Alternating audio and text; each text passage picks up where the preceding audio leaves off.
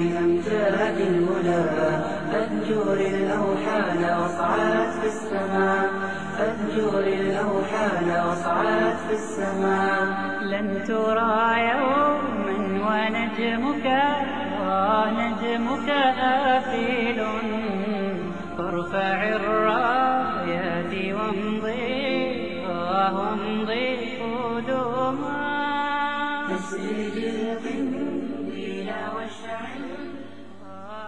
Naš ovosvjetski život nije naš jedini život. Svako od nas je postojao prije nego je rođen i postojat će poslije smrti. Allah Đelešanuhu je stvorio tijelo Adema alaihisselam od prašine, koju mu je melek smrti donio sa zemlje. On je tu prašinu nakvasio, te je postala ljepljiva ilovača, i od te ljepljive ilovače oblikovao je tijelo Adema alaihisselam svojim dvijema rukama. Tijelo Dilovače ostavio je 40 godina.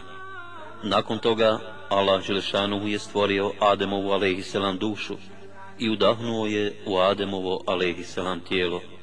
Tako je Adem alaihisselam postao živo biće, prvi čovjek.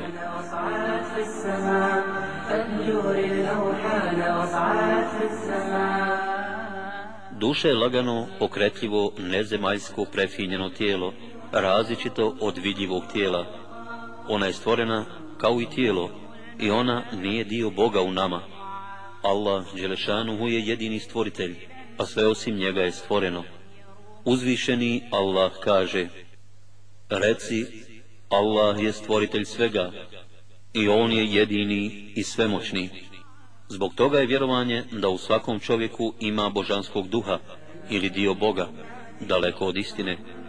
Nakon toga Allah Đelešanuhu je stvorio duše svih Ademovih alaihisselam potomaka koje će stvoriti do sudnjeg dana. Malik navodi da je Omer radi Allahu anhu upitano o ajtu i kad je gospodar tvoj iz kičmi Ademovih sinova izveo potomstvo njihovo i zatraži od njih da posvjedoče protiv sebe, zar ja nisam gospodar vaš? Oni su odgovorili, jesi, mi svjedočimo. Rekao, čuo sam poslanika sallallahu alaihi veselem da je upitan o ovom ajetu pa je rekao, kada je Allah stvorio Adema, potrao mu je leđa svojom desnom rukom i iz njega izveo dio njegovog potomstva i rekao, ove sam stvorio za džennet i oni će činiti djela džennetlija. Tada je ponovo potrao Adema po leđima i iz njega izveo ostatak njegovog potomstva i rekao, ove sam stvorio za džehennem i oni će činiti djela džehennemlija. Duša ima svoj početak jer je stvorena, ali nema svoj kraj. Ona ne umire i ne nestaje, ali prelazi iz faze u fazu. Samo Allah Đelešanuhu zna mjesto boravka duša od momenta kada ih je Allah Đelešanuhu stvorio do njihovog udahnuća u tijelo. Buhari i Muslim prenose od Ibn Mesuda radi Allahu anhu, da je poslanik sallallahu alaihi veselam rekao Formiranje tijela svakog od vas u maternici majke traje 40 dana. U tih 40 dana tijelo svakog ljudskog bića prođe kroz tri faze. Faza kapi sjemena, faza zakačaka i faza grude mesa. Muslim prenosi od Huzeife ibn Usejda radi Allahu anhu, da je poslanik sallallahu alaihi veselam rekao kada kap sjemena u maternici majke provede 42 noći, Allah pošalje meleka koji joj dadne lik, sluh i vid, formira kožu, meso i kosti. Zatim melek upita, gospodaru, hoće li biti muško ili žensko? Allah odredi šta hoće i melek to zapiše. 120. dana od začeća zametka u maternici žene, Allah Đelešanu pošalje meleka da mu udahne dušu i da mu zapiše četiri stvari. Na faku, smrtni čas, njegova djela i da li će biti nesvetan ili sretan na ahiretu. Nakon formiranja tijela i udahnuća duše, 120. dana nakon začeća zametka, duša i tijelo bivaju u različitim vezama. Prva veza traje od udahnuća duše do kraja boravka zametka u maternici majke. Kada bi zametak u maternici majke bio u stanju da razmišlja, vjerovatno bi mislio da je to jedini život i svoj izlazak iz maternice majke smatrao bi svojom smrću, iako je on u stvari rođenje, i prelazak u prostraniji svijet. Druga veza traje od rođenja do smrti u budnom stanju. U tom periodu i takvom stanju duša biva u tijelu. U tom periodu i takvom stanju sva uživanje i patnje čovjek doživljava tijelom i duša ga u tome samo prati. Treća veza traje od rođenja do smrti u stanju sna san je mala smrt. On podrazumijeva izlazak duše iz tijela i njeno lepdenje iznad njega. Uzvišeni Allah kaže... Allahu yatawaffa al-anfus hina mawtaha wallati lam tamut fi manamiha فيمسك التي قضى عليها الموت ويرسل الأخرى إلى أجل مسمى إن في ذلك لآيات لقوم يتفكرون Allah uzima duše ljudi u času njihove smrti, a i oni koji spavaju, pa zadržava one kojima je odredio da umru, a vrati one druge do roka određenog. To su zaista dokazi za one koji razmišljaju. Ibn Merdevejh prenosi od Ibn Abbas radi Allahu anhu, da je poslanik sallallahu alaihi veselem rekao, sa svakim čovjekom nalazi se jedan melek koji mu uzima dušu kada zaspi, pa ako Allah dozvoli, on ga usmrti, a ako ne dozvoli, on mu je vrati. Uzvišeni Allah kaže, وهو الذي يتوفاكم بالليل ويعلم ما جرحتم بالنهار ثم يبعثكم فيه ليقضى أجل مسمى ثم إليه مرجعكم ثم ينبئكم بما كنتم تعملون. On vas noću smrćuje, a zna i šta ste preko dana griješili. Zatim vas oživljava sve dok ne dođe čas smrti. Na kraju njemu ćete se vratiti i on će vas o onome što ste radili obavijestiti. U tom periodu i takvom stanju sva uživanje i patnje čovjek doživljava dušom i tijelo ga u tome samo prati. O postojanju druge ili treće veze između duše i tijela ovisi čovjekov ovosvjetski život a kada istekne period od Allaha Đelešanu određen za drugu i treću vezu između duše i tijela, nastupi smrt. Četvrta veza duše i tijela je u vrijeme Berzaha, koji traje od smrti do početka sudnjeg dana. U tom periodu sva uživanja i patnje čovjek doživljava dušom i tijelo je u tome samo prati. Peta veza duše i tijela je najčvršća. Ona je neraskidiva, a počinje sa sudnjim danom i vječna je. Sva uživanja i patnje od početka sudnjeg dana čovjek će doživljavati dušom i tijelom jednako.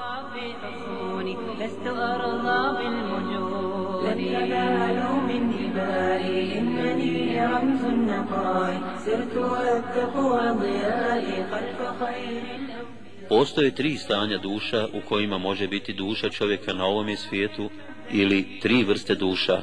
To su stanje duše u momentima kada kod čovjeka prevladavaju strasti i činjenje grijeha. To je duša koja naređuje zlo. Uzvišeni Allah navodi riječi ministrove žene kada je priznala da je pokušala navesti Jusufa, alaihisselam, na blud. وَمَا أُبَرِّئُ نَفْسِي إِنَّ النَّفْسَ لَأَمَّارَةٌ بِالسُّوءِ إِلَّا مَا رَحِمَ رَبِّي Inna rabbi gafurur rahim. Ja ne pravdam sebe, duša u istinu naređuje zlo, osim one kojoj se gospodar tvoj smiluje. Drugo, stanje duše u momentima kada se čovjek iskreno kaje, nakon učinjenog grijeha. To je duša koja samu sebe kori. Uzvišeni Allah kaže Bismillahirrahmanirrahim لا أقسم بيوم القيامة ولا أقسم بالنفس اللوامة Kunem se danom stajanja i kunem se dušom koja sebe kori. I treće stanje duše u momentima kada voli dobro i pokornost Allahu Đelešanuhu i mrzi zlo i griješenje prema njemu. To je smirena duša. Uzvišeni Allah kaže يا أيتها النفس المطمئنة ارجعي إلى ربك راضية مرضية فادخلي في عبادي وادخلي جنتي.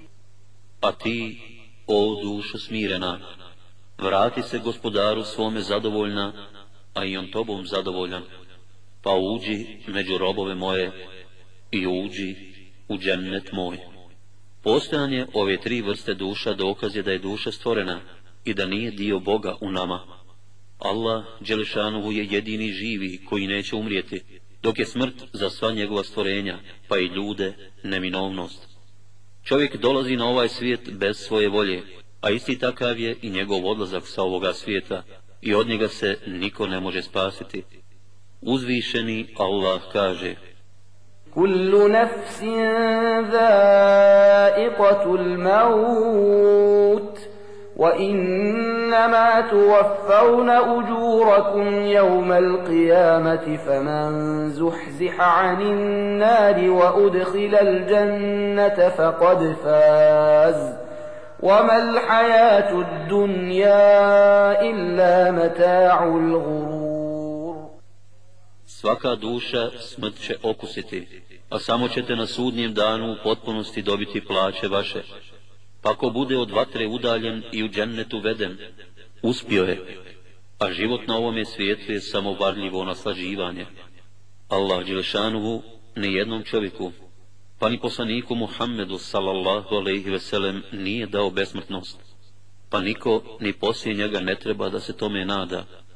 Uzvišeni Allah kaže, إنك ميت وإنهم ميتون ثم إنكم يوم القيامة عند ربكم تختصمون Ti ćeš zacijelo umrijeti, a i oni će također pomrijeti. I poslije, na sudnjem danu, pred gospodarom svojim ćete se jedni s drugima prepirati.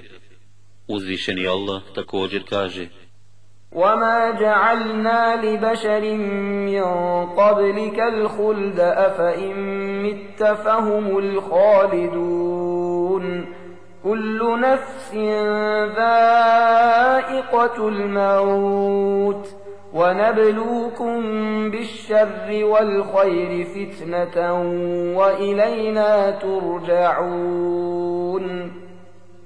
I mi nismo ni jednom čovjeku prije tebe, Muhammede, dali vječnost. Ako ti umreš, zar će oni do vijeka živjeti? Svako živo biće smrt će okusiti. Mi vas stavljamo na kušnju i u dobru i u zlu i nama ćete se vratiti. Allah Anđelešanuhu provjerava ljude tako da im nekada daje dobro, a nekada zlo. On zna o svojim robovima sve prije nego ih je stvorio. Međutim, ova provjera je zbog toga da se za onoga ko čini dobro, kao i protiv onoga ko čini zlo, uspostave dokazi.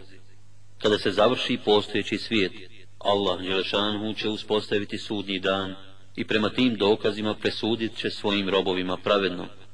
Uzvišeni Allah kaže قل إن الموت الذي تفرون منه فإنه ملاقيكم ثم تردون إلى عالم الغيب والشهادة فينبئكم بما كنتم تعملون Reci, smrt od koje bježite zaista će vas stići. Zatim ćete onome koji poznaje i nevidljivi i vidljivi svijet vraćeni biti i on će vas o onome što ste radili obavijestiti. Svaka generacija ima određeno vrijeme za smrt. Uzvišeni Allah kaže وَلِكُلِّ أُمَّةٍ أَجَلٌ فَإِذَا جَاءَ أَجَلُهُمْ لَا يَسْتَأْخِرُونَ سَاعَةً وَلَا يَسْتَقْدِمُونَ Svaki narod ima svoj kraj i kada dođe njegov kraj, neće ga moći ni za jedan tren ni odložiti, ni ubrzati. I svaki pojedinac ima određeno vrijeme za smrt. Uzvišeni Allah kaže وما كان لنفس أن تموت إلا بإذن الله كتابا مؤجلا ومن يرد ثواب الدنيا نؤته منها ومن يرد ثواب الآخرة نؤته منها وسنجزي الشاكرين Sve što je živo umire Allahovom voljom u određenom času. Ko želi nagradu na ovome svijetu, dat ćemo mu je. Ako želi nagradu na drugom svijetu, dat ćemo mu je. I zahvalne ćemo nagraditi. Kada smrt nastupa, niko od stvorenja ne može spriječiti. Uzvišeni Allah kaže كلا إذا بلغت التراقي وقيل من راق وظن أنه الفراق والتفت الساق بالساق إلى ربك يومئذ المساق Pazi, kada duša doprije do ključnih kostiju i vikne se ima li vidara, i on se uvjeri da je to čas rastanka i noga se uz nogu savije, toga dana će gospodaru tvome privođenje biti. Nemoć ljudi da spriječe smrt, kada ona nastupa pokazatelje ljudima da su oni nemoćni, a da je Allah, Đelešanuhu, moćan da ih usmrti i oživi radi polaganja računa pred njim. Uzvišeni Allah kaže, فلولا إذا بلغت الحلقوم وأنتم حينئذ تنظرون ونحن أقرب إليه منكم ولكن لا تبصرون فلولا إن كنتم غير مدينين ترجعونها إن كنتم صادقين A zašto vi, kad duša nekome do guše dopre, i kad vi budete tada gledali, a mi smo mu bliži od vas, ali vi ne vidite? Zašto je onda, ako račun nećete polagati, ne povratite, ako istinu govorite? Čovjek treba da što češće razmišlja o smrti i priprema se za nju, jer mu nije poznato mjesto, A kamoli vrijeme kada će mu nastupiti. Uzvišeni Allah kaže, إن الله عنده علم الساعة وينزل الغيث ويعلم ما في الأرحام وما تدري نفس ماذا تكسب غدا وما تدري نفس بأي أرض تموت إِنَّ اللَّهَ alimun khabir. Samo Allah zna kad će smak svijeta nastupiti. Samo On spušta kišu i samo On zna šta je u matericama, a čovjek ne zna šta će sutra zaraditi i čovjek ne zna u kojoj će zemlju umrijeti. Allah u istinu sve zna i u svemu je obaviješten. Razmišljanje o smrti uzrokuje preziranje dunjaluka i pripremanje za ahiret. Ko često razmišlja o smrti, požuri s pokajanjem za učinjene grijehe, bude smirenog i zadovoljnog srca i bude aktivan u činjenju dobrih dijela. Ako rijetko razmišlja o smrti, odgađa pokajanje za učinjene grijehe, bude nemirnog i nezadovoljnog srca i bude lijen u činjenju dobrih dijela. Oštrouman je onaj ko svodi račun sa samim sobom i ko se priprema za ono što dolazi poslije smrti, a kratko uman je onaj koji slijedi svoje strasti i zalud se nada Allahovoj Đelešanuhu milosti. Ibn Mađe navodi da Ibn Omer radi Allahu anhum rekao Sjedili smo kod poslanika sallallahu alaihi veselem kada je došao jedan ensar je upitao Allahu poslaniće koji vjernik je najbolji Najbolji vjernik je onaj koji ima najljepši moral a koji vjernik je najrazumniji Najrazumniji vjernik je onaj koji najviše razmišlja o smrti i najbolje priprema za ono što posljednje dolazi. Odgovorio je poslanik, sallallahu alaihi veselam. Razmišljanje o smrti potrebno je čovjeku i u stanju siromaštva i tegobe, i u stanju bogatstva i blagostanja. Kada čovjek u stanju siromaštva i tegobe razmišlja o smrti, to mu pomogne da to lakše podnese i ne padne u očaj, jer je smrt mnogo teža od tog njegovog stanja. A kada čovjek u stanju bogatstva i blagostanja razmišlja o smrti, to mu pomogne da se ne osjeti neovisnim i silnim. Čovjek treba da razmišlja o smrti i onoga što posljednje dolazi u svakoj prilici, a posebno kada se počnu pojavljivati njeni predznaci, kao što su sjeda kosa, opadanje kose, slabljenje sluha i vida, pojava bolesti, starosna dob od 40 godina, smrt brata ili sestre, smrt vršnjaka i drugo. Čovjek ako doživi 60 godina, treba da se nada smrti i priprema za nju svakog momenta. أشرقت نفسي بنور من فؤادي حينما رددت يا رب العباد وانتشت روحي وصار الدمع يجري Allah Đelešanu u Kur'anu koristi riječ jekin, koja u arapskom jeziku znači ubjeđenje za smrt. To je zbog toga što pri smrti svako postane potpuno ubjeđen da je Islam jedina istina. Uzvišeni Allah kaže واعبد ربك حتى يأتيك اليقين i svoga gospodara obožavaj dok ti ne dođe jekin, to jest smrt.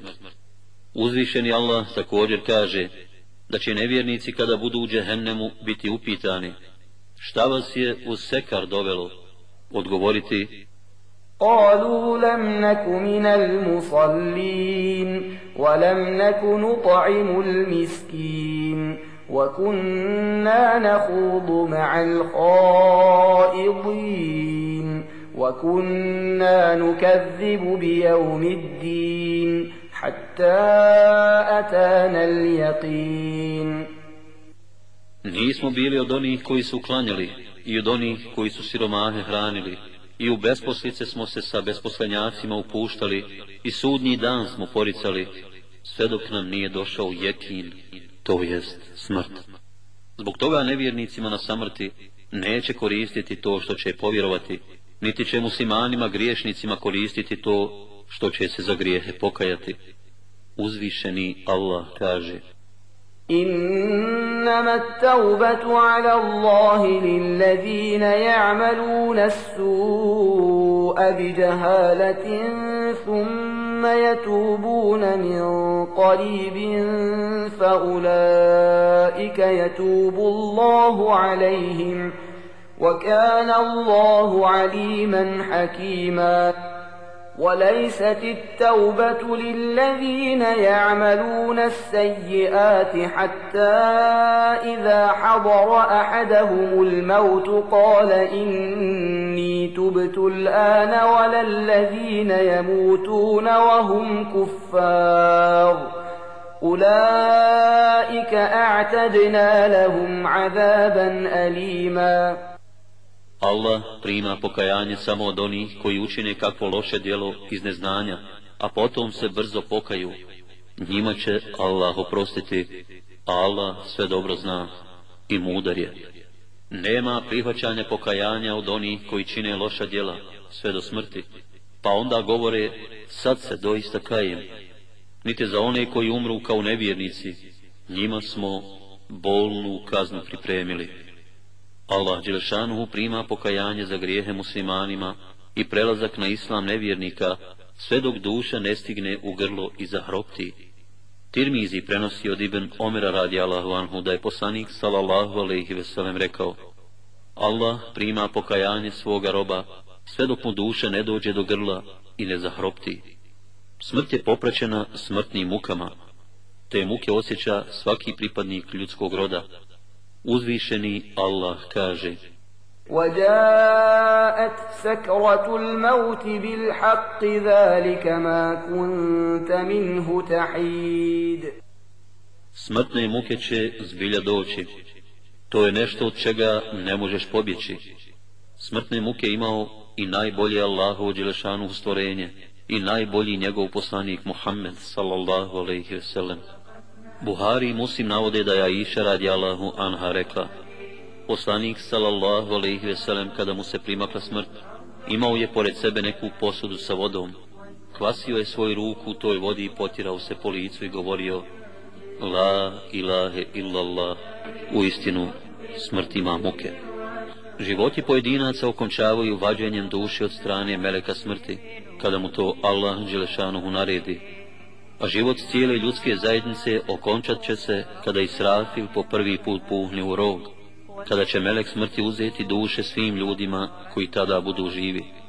Uzvišeni Allah kaže, قل يتوفاكم ملك الموت الذي وكل بكم ثم إلى ربكم ترجعون Reci, melek smrti koji vam je zato određen, duše će vam uzeti, a poslije ćete se gospodaru svome vratiti.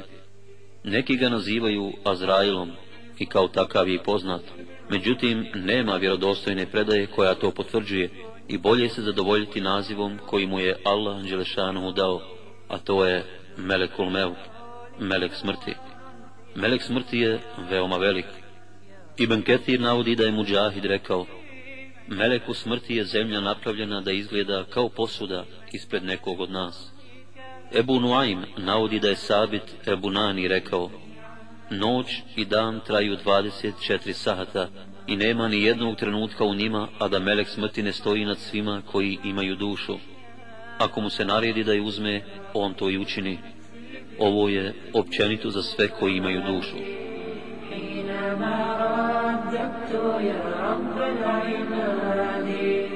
وانتشت روحي وصار الدمع يجري يا إلهي خذ بقلبي للرشاد Melek smrti ima svoje pomagače. Allah Đelešanuhu je Meleka smrti i njegove pomagače spomenuo u riječima. وهو القاهر فوق عباده ويرسل عليكم حفظه حتى إذا جاء أحدكم الموت توفته رسلنا وهم لا يفرطون On je vladar nad robovima svojim i šalje vam čuvare, a kad nekom od vas smrt dođe i zaslanici našemu bez oklijevanja dušu uzmu. Allah Đelešanu za svakog čovjeka zaduži meleke čuvare koji čuvaju njegovo tijelo i meleke čuvare koji čuvaju njegova djela. Uz svakog su od vas meleki, ispred njega i iza njega, koji vas po Allahu u naređenju čuvaju a nad vama bdiju čuvari, kod nas cijenjeni pisari, koji znaju ono što radite. Kada se čovjek nađe na samrti, Allahovi Đelešanuhu i zaslanici, melek smrti i njegovi pomagači, uzmu mu dušu. Melek smrti i njegovi pomagači dolaze ljudima na samrti, obavijeste ih da im je došao moment rastanka s Dunjalukom, obavijeste ih o tome šta ih čeka na Hiretu i narede dušama da izađu iz tijela. Ahmed prenosi od Enesa radi Allahonhu, da je poslanik sallallahu alaihi veselem rekao, ko želi susret sa Allahom, Allah želi susret s njim.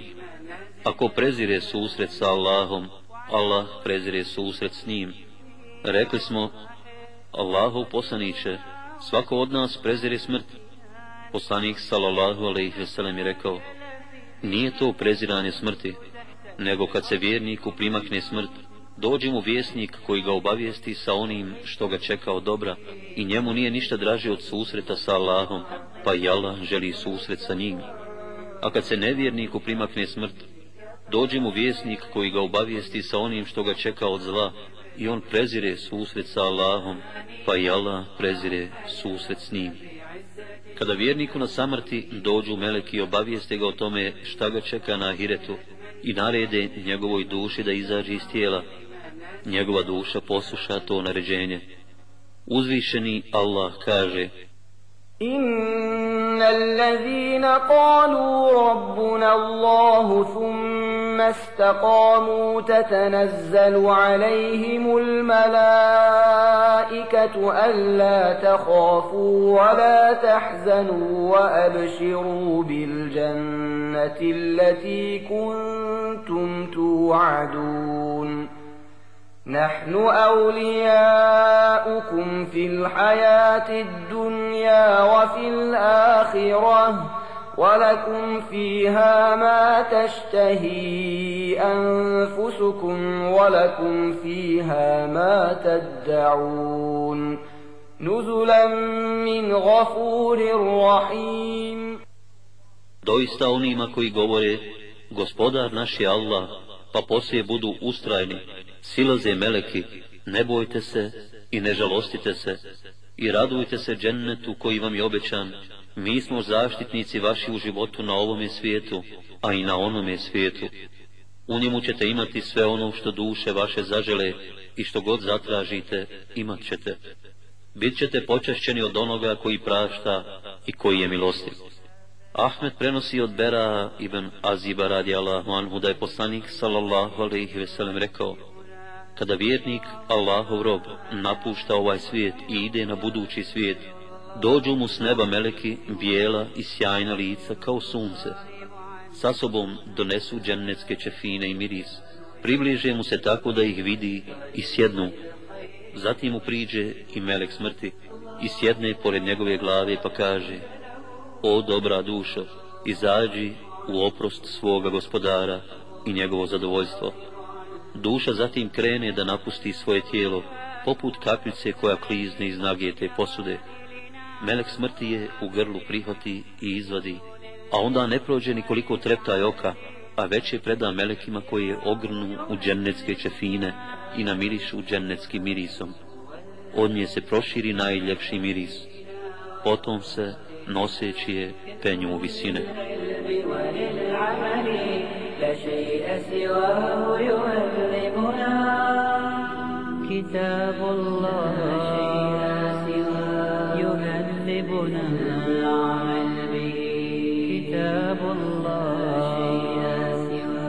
يهذبنا هذا القرآن يوحدنا لطريق الخير يوجهنا الله تعالى Kada nevjerniku na samrti dođu meleki i obavijeste ga o tome šta ga čeka na ahiretu i narede njegovoj duši da izađe iz tijela, njegova duša ne posluša naređenje, nego se raširi po cijelom tijelu i odbije izlazak.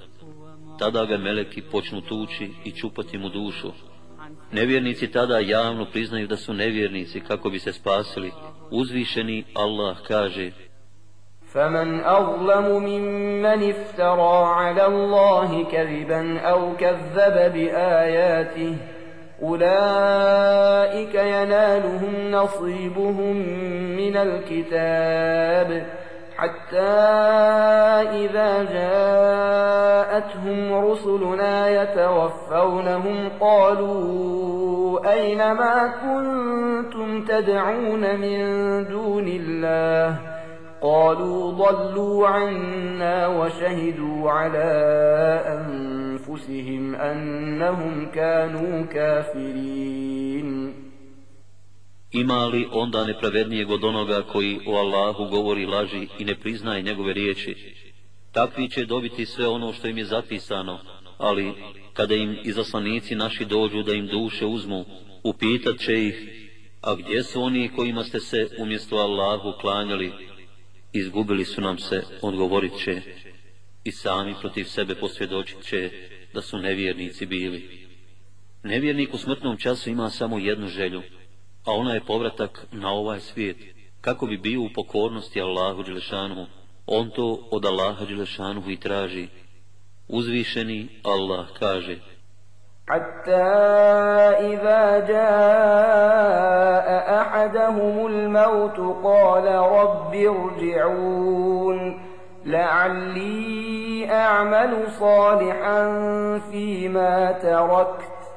كلا إنها كلمة هو قائلها ومن ورائهم برزخ إلى يوم يبعثون. Kad nekome od njih smrt dođe, on uzvikne, gospodaru moj, povrati me da uradim kakvo dobro u onome što sam ostavio. Nikada. To su riječi koje će on uzalud govoriti. Pred njima će berza biti sve do dana kada će oživljeni biti. Uzvišeni Allah kaže, ولو ترى إذ يتوفى الذين كفروا الملائكة يَضْرِبُونَ وُجُوهَهُمْ وَأَدْبَارَهُمْ وَذُوقُوا عَذَابَ الْحَرِيقِ ذَلِكَ بِمَا قَدَّمَتْ أَيْدِيكُمْ وَأَنَّ اللَّهَ لَيْسَ بِظَلَّامٍ لِلْعَبِيدِ A da si samo vidio kad su meleki nevjernicima duše uzimali i po licima njihovim iz traga udarali, iskusite patnju u ognju, to je za ono što ste rukama svojim pripremili, jer Allah nije nepravedan prema robovima svojim.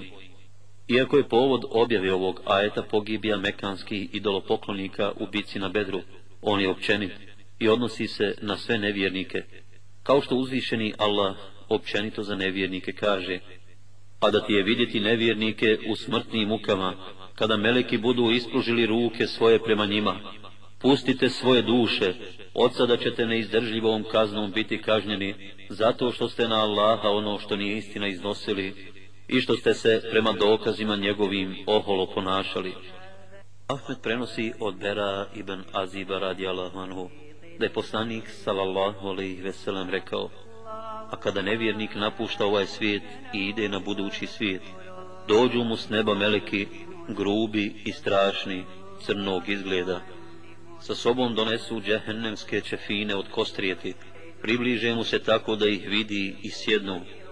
Zatim mu priđe i melek smrti i sjedne pored njegove glave pa kaže O pokvarena dušo, izađi u gnjev i srđbu svoga gospodara.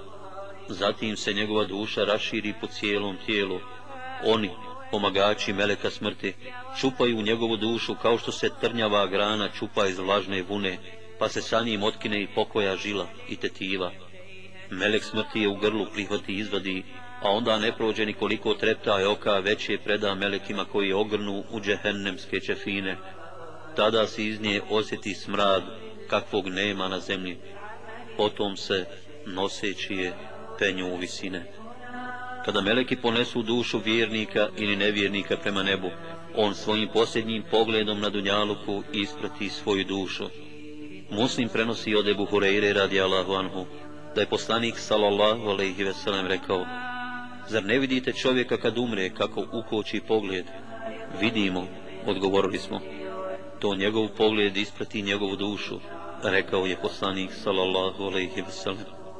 U hadisu Bera ibn Aziba radi Allahu anhu dalje stoji, Svaka grupa meleka, pored koje prođu noseći dušu vjernika, upitaju ih, čija je ovo plemenita duša? A meleki odgovore tog i tog, spominjući njegovo najljepše ime kojim su ga ljudi zvali na zemlji. Tako biva sve dok ne dođu do krajnje granice zemaljskog neba, te zatraže dozvolu za prolazak prema drugom nebu. Pošto im se dozvoli, nastavljaju svoje penjanje prema sljedećem nebu, uz pratnju najcijenjenijih meleka tog neba. Tako biva sve dok ne dođu do sedmog neba.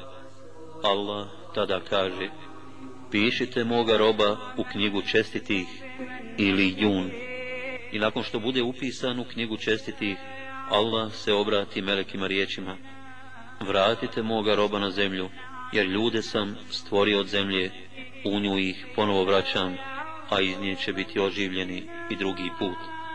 A svaka grupa meleka, pored koje prođu, noseći dušu nevjernika, upitaju ih, čija je ovo pokvarena duša? A meleki odgovore, tog i tog, spominjući njegovo najružnije ime kojim su ga ljudi zvali na zemlji. Tako biva sve dok ne dođu do krajnje granice zemaljskog neba, te zatraže dozvolu za prolazak. Vrata zemaljskog neba im se ne otvore, zatim je poslanik sallallahu alaihi veselem proučio ajet. Kapije nebeske neće se otvoriti i prije će deva kroz iglene uši proći, nego što će oni u džennetu tući.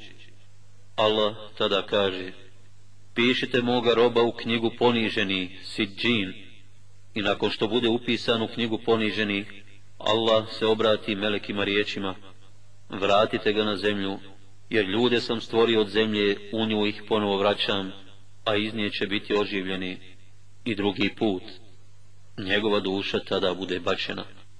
Zatim je poslanik sallallahu alejhi ve sellem proučio ajet: A onaj ko bude smatrao da Allahu ima i koravan, bit će kao onaj koji je s neba pao i koga su ptice razgrabile, ili kao onaj koga je vjetar u daleki predi odnio.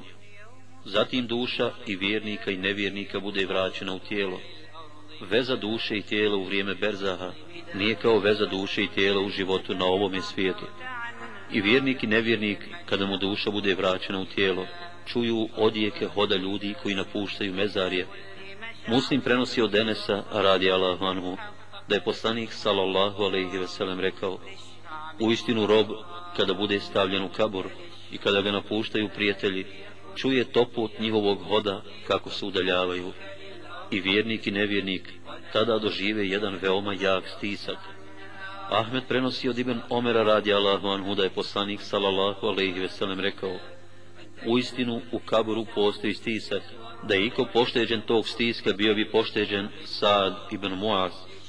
Nesai prenosi od Ibn Omera radi Allahu anhu da je poslanik sallallahu alaihi veselem nakon dženazi Saada ibn Muaza radi Allahu anhu rekao zbog njegove smrti potresao se arš.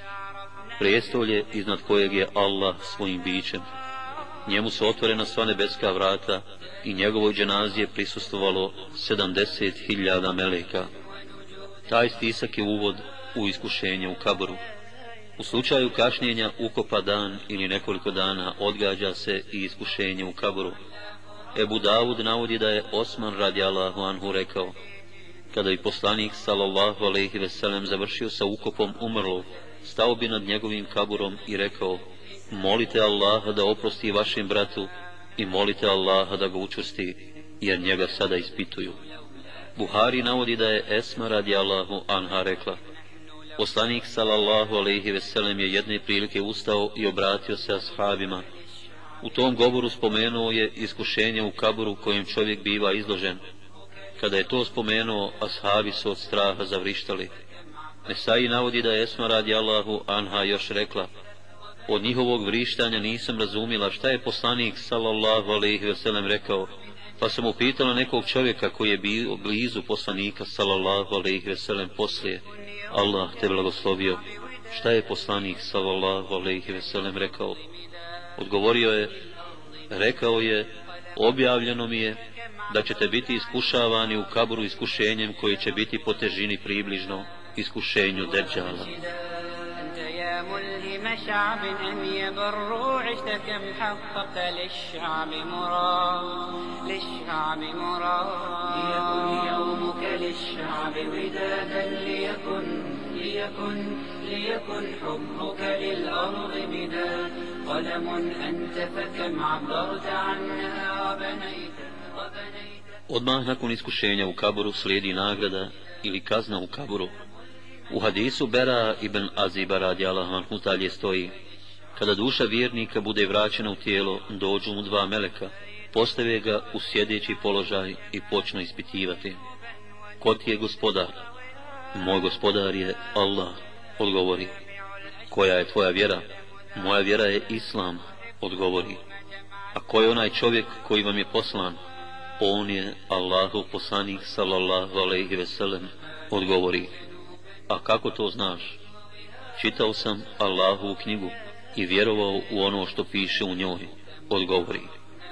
Zatim se začuje glas sa visine, istinu je rekao moj rob, prostrite mu džennetsku postelju, obucite mu džennetsku odjeću i otvorite mu džennetska vrata. Do njega dopre džennetski lijep i ugodan miris, a kabur se proširi koliko njegov pogled može doprijeti dođe mu čovjek lijepa lica, u lijepoj odjeći i lijepog mirisa i kaže mu, raduj se Allahovom zadovoljstvu i džennetu u kojem su vječni užici. Ovo je dan koji ti je obećan. A on u radosti i sreći upita, a ti, Allah i tebe učinio sretnim, ko si ti? Lice ti je nalik licu koje samo dobro donosi. Ja sam tvoje dobro djelo koje si činio, odgovori a vjernik tada kaže Allahu, učini da nastupi čas proživljenja da bih se svojoj porodici vratio. Muslim navodi da je Katade rekao Spomenuto nam je da će vjernik u mjestu u kaburu biti široko 70 aršina i da će biti ispunjeno zelenilom do sudnjeg dana. Buhari i Muslim prenosi od Ibn Omera radi Allahu anhu da je poslanik sallallahu alaihi veselem rekao Svakom vjerniku u kaboru pokazuje se njegovo mjesto u džennetu svakoga dana pred zalazak sunca i pred izlazak sunca i govori mu se to je tvoje mjesto kada te Allah proživi na sudnjem danu. A kada duša nevjernika bude vraćena u tijelo, dođu mu dva meleka, postave ga u sjedeći položaj i počnu ga ispitivati. Ko ti je gospodar? A, pokušavajući da se sjeti, ne znam, odgovori. Koja je tvoja vjera? A, ne znam, odgovori. Ko je onaj čovjek koji vam je poslan? A, ne znam, odgovori. Zatim se začuje glas sa visine, porekao je istinu moj rob, prostrite mu džehennemsku poselju, obucite mu džehennemsku odjeću i otvorite mu džehennemska vrata. Do njega dopre džehennemski otrovi žega, a kabur mu se stisne tako da mu rebra mimo rebra prođu. Dođe mu čovjek ružna lica, u ružnoj odjeći i ružna mirisa i kaže mu, teško tebi, ovo je dan kojim ti se prijetilo. Ko si ti? Lice ti je nalik licu koje samo zlo donosi, ja sam tvoje loše djelo koje si činio, odgovori. A nevjernik tada kaže, Allahu, nemoj da nastupi čas proživljenja. Taj Alisi prenosi od Bera ibn Aziba radi Allahu anhu da je poslanik sallallahu alaihi ve sellem rekao Slijep, gluh i nijem melek u liku čovjeka sa kanđijom u ruci dobije zaduženje da udara nevjernika. Kada bi brdo udario tom kanđijom, pretvorilo bi se u prašinu od jačine njegovog udarca. Kada udari nevjernika, postane prašina, ali ga Allah vrati u prvobitno stanje i ovaj ga opet udari. Njegovo jaukanje čuju sva stvorenja osim ljudi i džina. Buhari i Muslim prenosi od Ibn Omera radi Allah vanhu da je poslanik sallallahu alaihi veselem rekao Svakom nevjerniku u kaburu pokazuje se njegovo mjesto u džehennemu svakoga dana pred zalazak sunca i pred izlazak sunca i govori mu se to je tvoje mjesto kada te Allah proživi na sudnjem danu. Muslim navodi da je Zaid ibn Sabit radi Allah anhu rekao Bili smo s poslanikom sallallahu alejhi ve sellem u vrtu Beni Neđara kada se iznenada uznemirila mazga koju je poslanik sallallahu alejhi ve sellem jahao Mazga je skrenula s puta i naglo potrčala i samo što ga nije zbacila sa sebe. Pogledali smo i u blizini puta ugledali četiri, pet ili šest kaburova. Poslanik sallallahu alejhi ve sellem nas je upitao, ko zna ljude koji su ukopani ovdje? Neko je rekao, znam ja. Kada su umrli? Upitao je poslanik sallallahu alaihi veselem. Umrli su u predislamskom dobu. Poslanik sallallahu alaihi veselem je rekao, da se ne bojim da nećete vaše mrtve ukopavati zbog straha koji bi osjećali kada bi to čuli. Zamolio bih Allaha da vam omogući da čujete ono što ja čujem. Buhari Muslim navode da je Ebu Ejub radi Allahu anhu rekao Izašao je poslanik sallallahu alejhi ve sellem iz kuće nakon što je sunce zašlo, pa je čuo neke glasove, rekao je Čujem židove koji su na mukama u kaburu, Prve generacije ovoga ummeta i mami smatrali su da se nagrada ili kazna u kaburu odražava na dušu i tijelo. Šerijet nije došao s nečim što se suprotstavlja razumu, ali je došao s nečim što može razum zbuniti. Zbog toga se ne smijemo mnogo upuštati u nastojanje poimanja načinja nagrade ili kazne u kaburu. Kaburska kazna je kazna u Berzahu i svako ko umre, a zaslužio je kabursku kaznu, ona će ga stići bez obzira bio ukopan ili ne, bio utopljen u moru, pojele ga zvijer ili potpuno izgorio. Njegovu dušu i tijelo stići će kazna isto kao da je i ukopan. Duša u Berzahu biva nagrađivana ili kažnjavana odvojeno od tijela i zajedno s njim. Postoje dvije vrste kaburske kazne. Kaburska kazna koja traje od smrti do proživljenja i njome bivaju kažnjavani nevjernici, munafici i vjernici koji imaju mnogo više loših dijela nego dobri. kaburska kazna koja ne traje do proživljenja, nego samo jedan period i njome bivaju kažnjavani vjernici koji imaju malo više loših dijela nego dobrih.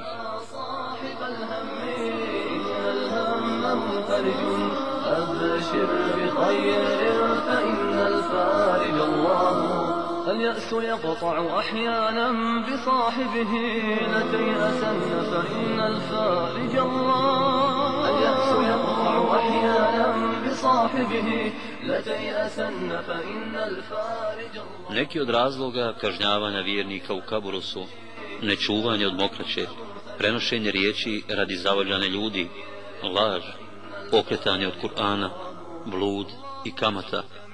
Buhari i Muslim navode da je Ibn Abbas radi Allahu anhu rekao Poslanik sallallahu alaihi veselem je prošao pokraj dva svježa kabura i rekao Ova dvojica se sada kažnjavaju, a ne kažnjavaju se zbog velike stvari.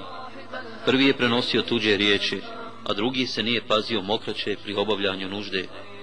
Nakon toga uzeo je svjež štap, prepolovio ga i na ta dva kabura zabuo po jedan i rekao Nadam se da će im biti ublažena kazna dok se štapovi ne osuše.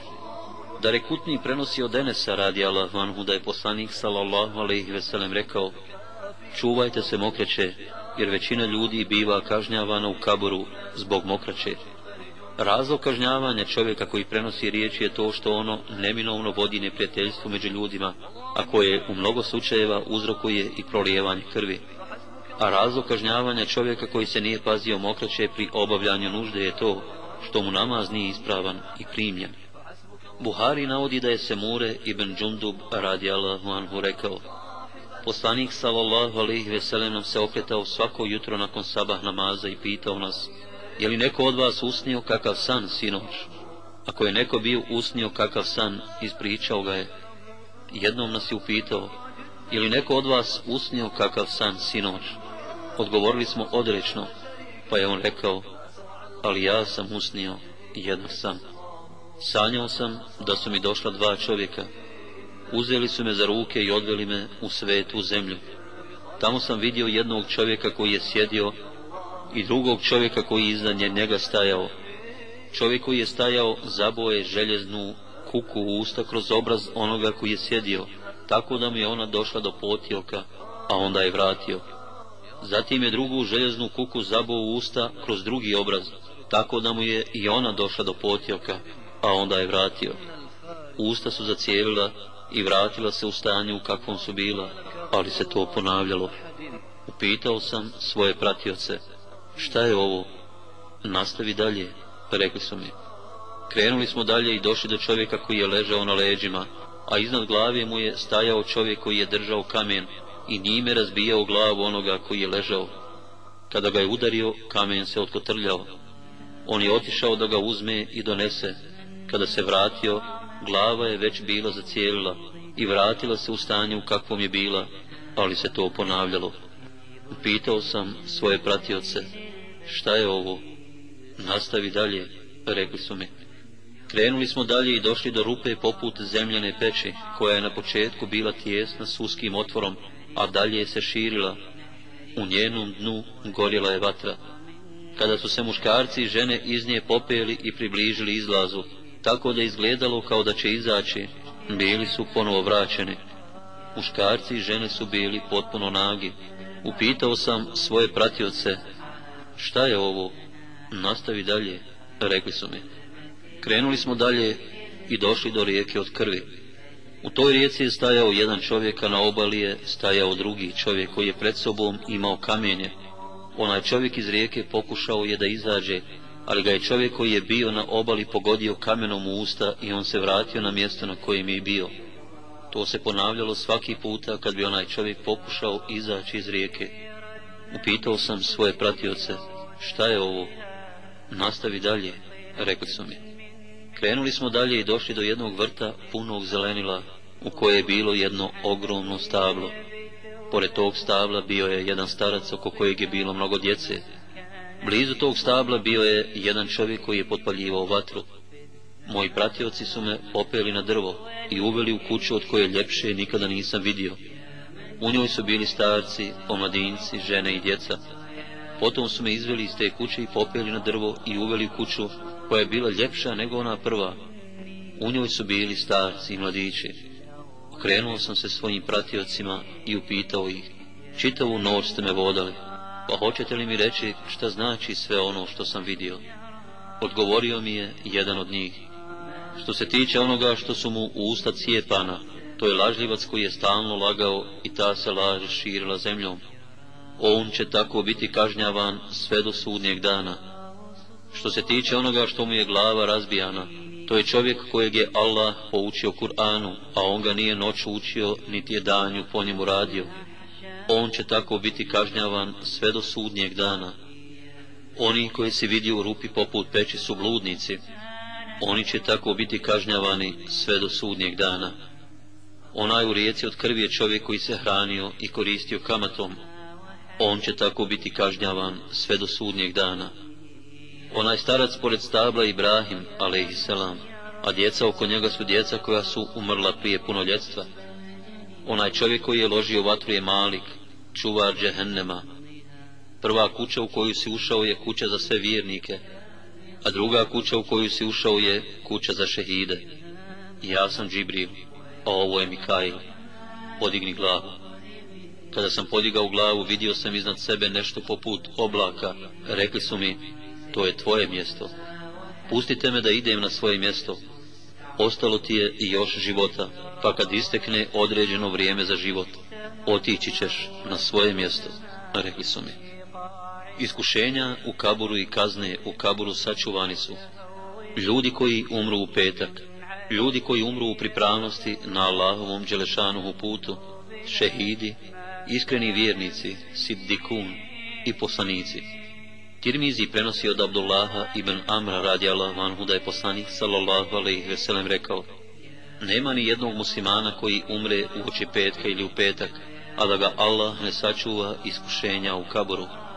Muslim prenosi od Selmana radi Allah vanhu da je poslanik sallallahu alaihi veselem rekao Pripravnost na Allahovom putu samo jednu noć i jedan dan, bolja je od dnevnog posta i noćnog klanjanja mjesec dana. Ako bi u tom stanju umro, nastavljaju mu se pisati dobra djela koja je dotada činio i bit će sačuvan iskušenja u kaburu. Tirmizi prenosi od Mikdada, radi Allah vanhu da je poslanik sallallahu alaihi veselem rekao Šehid kod Allaha ima sedam posebnih nagrada. Opraštaju mu se svi grijesi s prvom kapi krvi. Vidi svoje mjesto u džennetu zaštićen je iskušenja u kaboru, bit će siguran od velikog straha na sudnjem danu. Na glavi će imati krunu dostojanstvenosti na kojoj je jedan rubin bolji od dunjaluka sa svim što je na njemu. Imat će pravo zagovorništva, šefaata, za sedamdeset članova svoje familije i bit će oženjen sa sedamdeset i dvije hurije. Međutim, nije šehid samo onaj ko pogine na bojnom polju, Ebu Dawud i Tirmizi prenose od Sejda ibn Zejda radi Allahu anhu, da je poslanik sallallahu alaihi ve sellem rekao, ko pogine braneći svoj metak, i on je šehid, ko pogine braneći svoj život, i on je šehid, ko pogine braneći svoju čast, i on je šehid, ko pogine braneći svoju porodicu, i on je šehid. Nesaji prenosi od Džabira radi Allahu anhu da je poslanik sallallahu alaihi ve sellem rekao, Sedam je kategorija šehida, osim onih koji poginu na Allahovom putu. Ko umre od kuge, ko umre od neke stomačne bolesti, utopljenik, stradalnik u požaru, ko umre od upale pluća, stradalnik pod ruševinama i žena koja umre na porodu. Ne postoji neki šerijatski tekst koji upućuje na to da će iskreni vjernici Siddikun i poslanici biti sačuvani od iskušenja u kaboru, ali analogno tome da šehidi nemaju iskušenje u kaboru, nemaju ni oni, jer su oni bolji od šehida. see.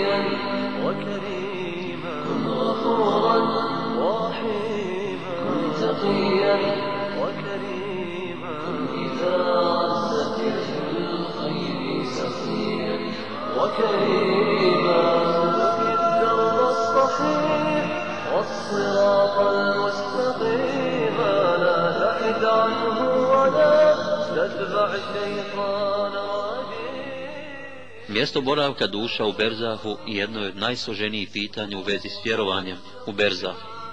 Navedeni hadisi, Bera ibn Aziba radi Allahanhu ibn Omera, kao i mnogi drugi hadisi koji govore o nagradi u Kaburu, jasno i nedvosmisleno upućuje na to da duše običnih vjernika budu vraćene u tijelo, to jest u kabur, i da duše i tijela nagradu doživljavaju u kaburu. Međutim, pored ovih hadisa, postoji vjerodostojan hadis koji govori o tome da su duše običnih vjernika u džennetu. Ahmed prenosi od Kaba ibn Malika radi Allahu anhu da je poslanik sallallahu alaihi veselem rekao Zaista, duša vjernika je ptica na stavlu u džennetu, sve dok je Allah ne vrati u njeno tijelo na dan proživljavanja. Najljepši pokušaj spoja ovih na izgled kontradiktornih hadisa spomenuo je Ibn Tejmije. On kaže, kabur vjerniku bude proširen 70 aršina i dobro osvjetljen. Tijelo mu se vrati u ono od čega je počelo njegovo stvaranje. Duša mu nađe boravište među dobrim dušama, a ona je ptica koja će biti na stablu u džennetu. Prema ovom citatu, duša nakon što tijelo truhne i ostane samo repnjača, koja nikada ne truhne, biva nastanjena u džennet i tada postoji neki vid veze između duše i repnjače. Allah Želešanu najbolje zna, ali vjerovatno takvo nešto biva i s nevjernikom, samo što on biva kažnjavan i nastanjen u džehennemu. Duše šehida bivaju u unutrašnosti zelenih ptica u džennetu.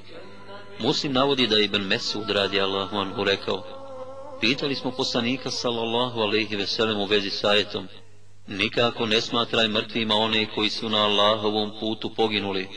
Ne, oni su živi i obskrbljeni su kod gospodara svoga, radosni zbog onoga što im je Allah od dobrote svoje dao i veseli zbog onih koji im se još nisu pridružili, za koje nikakva straha neće biti i koji ni za čim neće tugovati.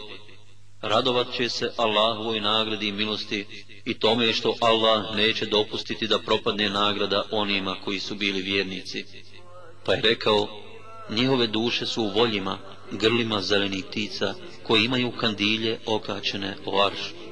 One lete po džennetu gdje god hoće, napajaju se iz džennetskih rijeka, hrane njegovim plodovima, a zatim se vraćaju tim kandiljima. Duše poslanika su na najvišim položajima u džennetu, u najčasnijem društvu. Buhari prenosi od Aiši radi Allahu anha da je poslanik sallallahu alaihi veselem u bolesti od koje je umro, govoreći probuklim glasom rekao Nema vjerovjesnika koji se razboli, a da mu se ne da izbor između ovoga i drugoga svijeta. Muslim navodi da je Aisha radi Allahu anha rekla Poslanik sallallahu alaihi veselem je rekao Allahu moj, pridruži me najčasnijem društvu. To je rekao tri puta, a zatim je umro. Neka je na njega najbolji salavat i selam.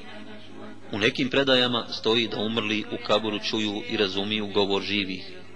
Ibn Abdul Ber prenosi od Ibn Abbas radi Allahu anhu da je poslanik sallallahu alaihi veselem rekao Niko od vas ne prođe pored kabura svoga brata muslimana, kojeg je poznavao i nazove mu selam, a da ga umrli neće prepoznati i odgovoriti mu na selam. Muslim prenosi od Enesa radi Allahu anhu, da je Omer radi Allahu anhu rekao Poslanik sallallahu alejhi ve sellem nam je na dan prije bitke na Bedru pokazivao mjesta pogibije mekanskih idolopoklonika i govorio Ovo je mjesto pogibije toga i toga sutra, ako Bog da. Tako mi onoga koji ga je poslao s istinom, nijedan koji je poginuo u bici nije prošao mjesto koje mu je poslanik odredio. Svi su ukopani u jednu jamu, jedan preko drugog, pa je poslanik otišao do njih i rekao, O taj, taj, jesi li našao istinitim ono što vam je Allah i njegov poslanik obećao?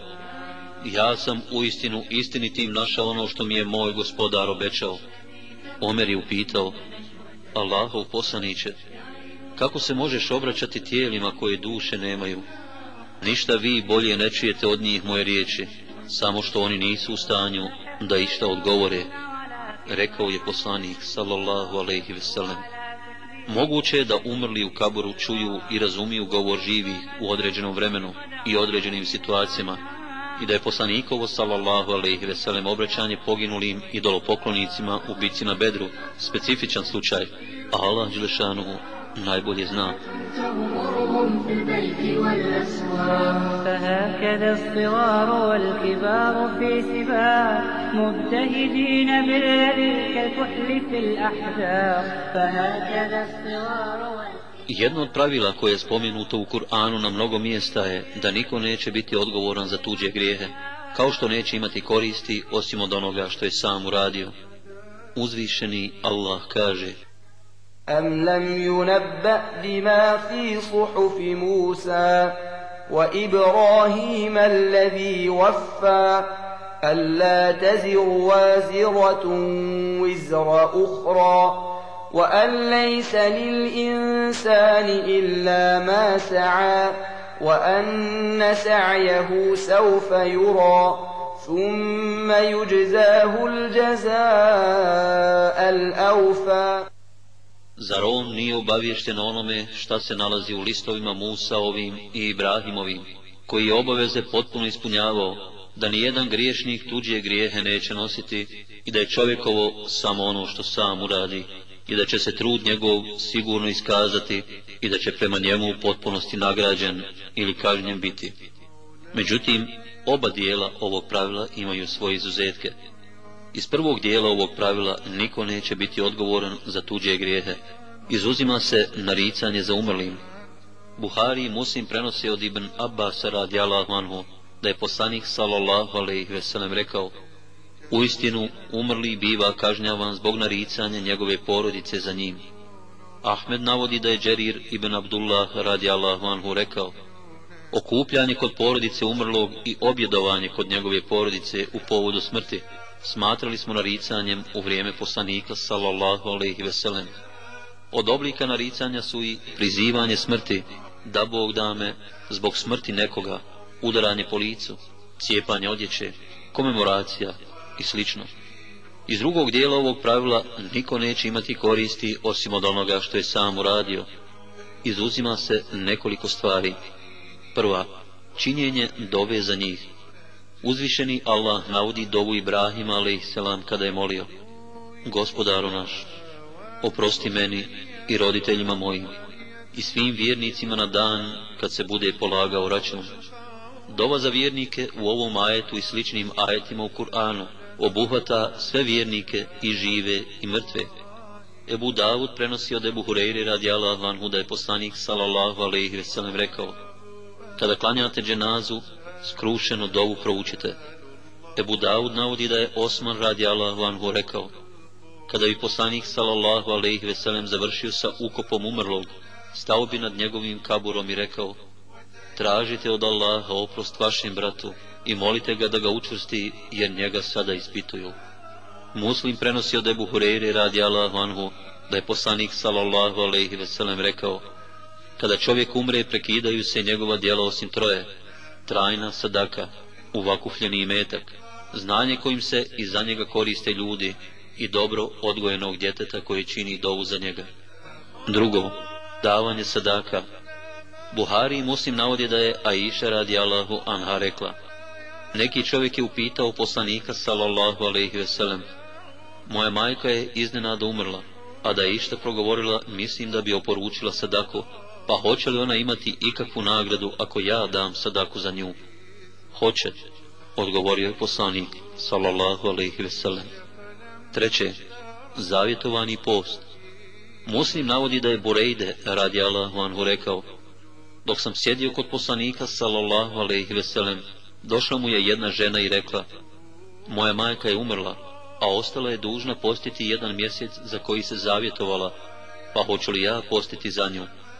Posti, odgovorio je poslanik sallallahu alaihi ve sellem. Četvrto, obavljanje hađa. Ebu Daud navodi da je Ibn Abbas radi Allahu anhu rekao. Poslanik sallallahu alaihi ve sellem je čuo čovjeka da kaže Odazivam ti se Allahu moj za šubrumu. Poslanik sallallahu alaihi ve sellem ga je upitao Ko je on? Moj rođak, rekao je. A jesi li obavio hađ za sebe?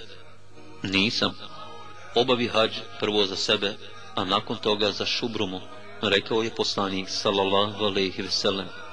Peto, klanje kurbana. Darekutni navodi da je Enes radi Allahu anhu rekao, poslanik sallallahu alaihi veselem je klao dva kurbana.